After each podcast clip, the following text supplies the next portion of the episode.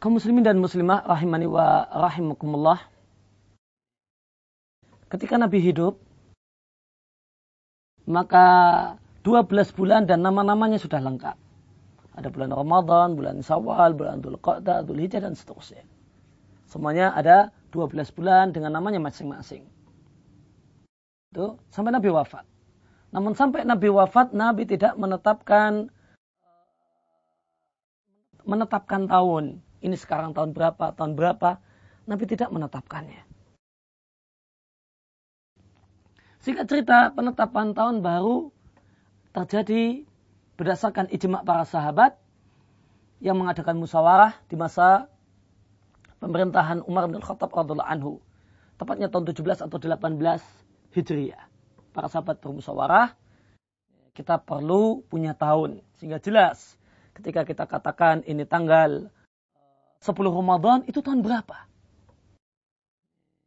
Karena hal ini uh, hal ini dilakukan berdasarkan keluhan dari para gubernur. Ketika Umar mengirimkan surat keputusan kepada para gubernur, di sana sudah ada tanggalnya. Ini keputusan tanggal sekian bulan sekian. Kemudian nanti datang lagi surat keputusan tanggal sekian dan bulan sekian. Setelah itu bertumpuk, mereka para gubernur itu kebingungan. Ini tahun berapa? Ini mana yang duluan dan mana yang belakangan. Maka menanggapi keluhan dari para gubernur ini diadakanlah musyawarah. Kita kaum muslimin harus punya tahun.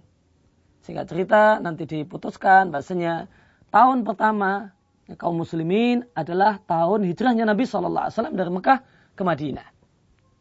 Setelah itu setahun selanjutnya adalah tahun kedua, selanjutnya tahun ketiga, keempat, kelima, sepuluh, sebelas, dua belas, dan seterusnya. Dihitung dari tahun pertamanya adalah tahun di mana Nabi hijrah. Kemudian ditetapkan berdasarkan konsensus dan kesepakatan para sahabat, bahasanya bulan pertama. Karena ketika Nabi ada, bulan itu sudah lengkap namun belum ada nomornya. Ini bulan satu, bulan dua, bulan tiga, bulan empat, belum ada. Maka baru diputuskan di masa Umar diputuskan bahasanya Muharram lah bulan pertama.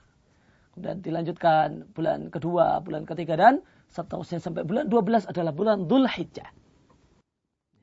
Dan perlu diketahui bahasanya ketika kaum muslimin itu berembuk, kaum muslimin berembuk untuk menetapkan tahun. Ketika itu kaum muslimin telah bersentuhan dengan peradaban-peradaban yang lain. Di mana orang Persia punya tahun sendiri. Romawi yang merupakan negara adidaya Nasrani juga punya tahun, yaitu tahun Masehi. Namun kita lihat kaum muslimin dalam hal ini para sahabat bersepakat untuk tidak menunggal, tidak memakai kalender Persi dan bersepakat untuk tidak memakai kalender Masehi yang dimiliki oleh orang-orang Romawi. Maka hal ini menunjukkan bahasanya penanggalan Masehi itu bukanlah kalender kaum muslimin. Bukan penanggalan kaum muslimin, bukan almanak kaum muslimin. Penanggalan kaum muslimin adalah hijriyah. Yang telah ukurnya tahun pertamanya adalah hijrahnya Nabi Shallallahu Alaihi Wasallam. Kenapa? Karena kaum muslimin sepakat untuk meninggalkannya dan tidak memakainya. Dan mereka bersepakat bahasanya kaum muslimin itu tidak boleh latah tidak boleh mengikor. Tidak boleh membebek. Namun harus mulia dengan ciri khasnya. Dengan kemuliaannya. Dalam hal ini adalah dengan memakai kalender tersendiri. Oleh karena itu tidak selayaknya kaum muslimin ikut genggap gembita menyambut kedatangan tahun baru Masehi.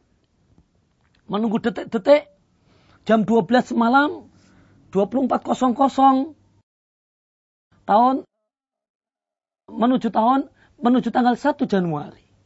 Tidak selayaknya kaum muslimin gegap gembira dengan hal tersebut. Ingat, masih adalah kalender Nasrani dan bukan kalender kaum muslimin. Maka kita tidak perlu ikut-ikutan rame-rame dengan dengan umumnya orang yang melakukan rame-rame yang karena ini adalah menyemarakkan tahun baru yang merupakan tahun barunya orang-orang Nasrani, bukan tahun barunya kaum muslimin. Meskipun kita kaum muslimin saat uh, menyambut tanggal satu Muharram pun kita juga tidak perlu gegap gembita bikin acara yang cuma buang-buang harta. Ya, kita biasa saja. Islam mengajarkan kepada kita kesederhanaan. Maka oleh karena itu pada uh, oleh karena itu tidak selainnya kaum muslimin ikut memeriahkan acara tahun baru Masehi. Ditambah lagi kemudian acara tersebut isinya adalah tabdir, buang-buang duit untuk kembang api. Padahal tabdir ada satu hal yang terlarang. Innal mubadzirina kanu ikhwana syayatin. Allah sampaikan di surat Al-Isra bahasanya orang yang membuang-buang harta itu sudahnya setan. Di samping itu, acara ini diisi dengan suara yang memekakkan telinga, mengganggu orang-orang yang tidur, mengganggu orang-orang yang perlu istirahat. Maka ini kezaliman. Ini adalah kezaliman. Dan doa orang yang terzalimi adalah satu hal yang mengkhawatirkan.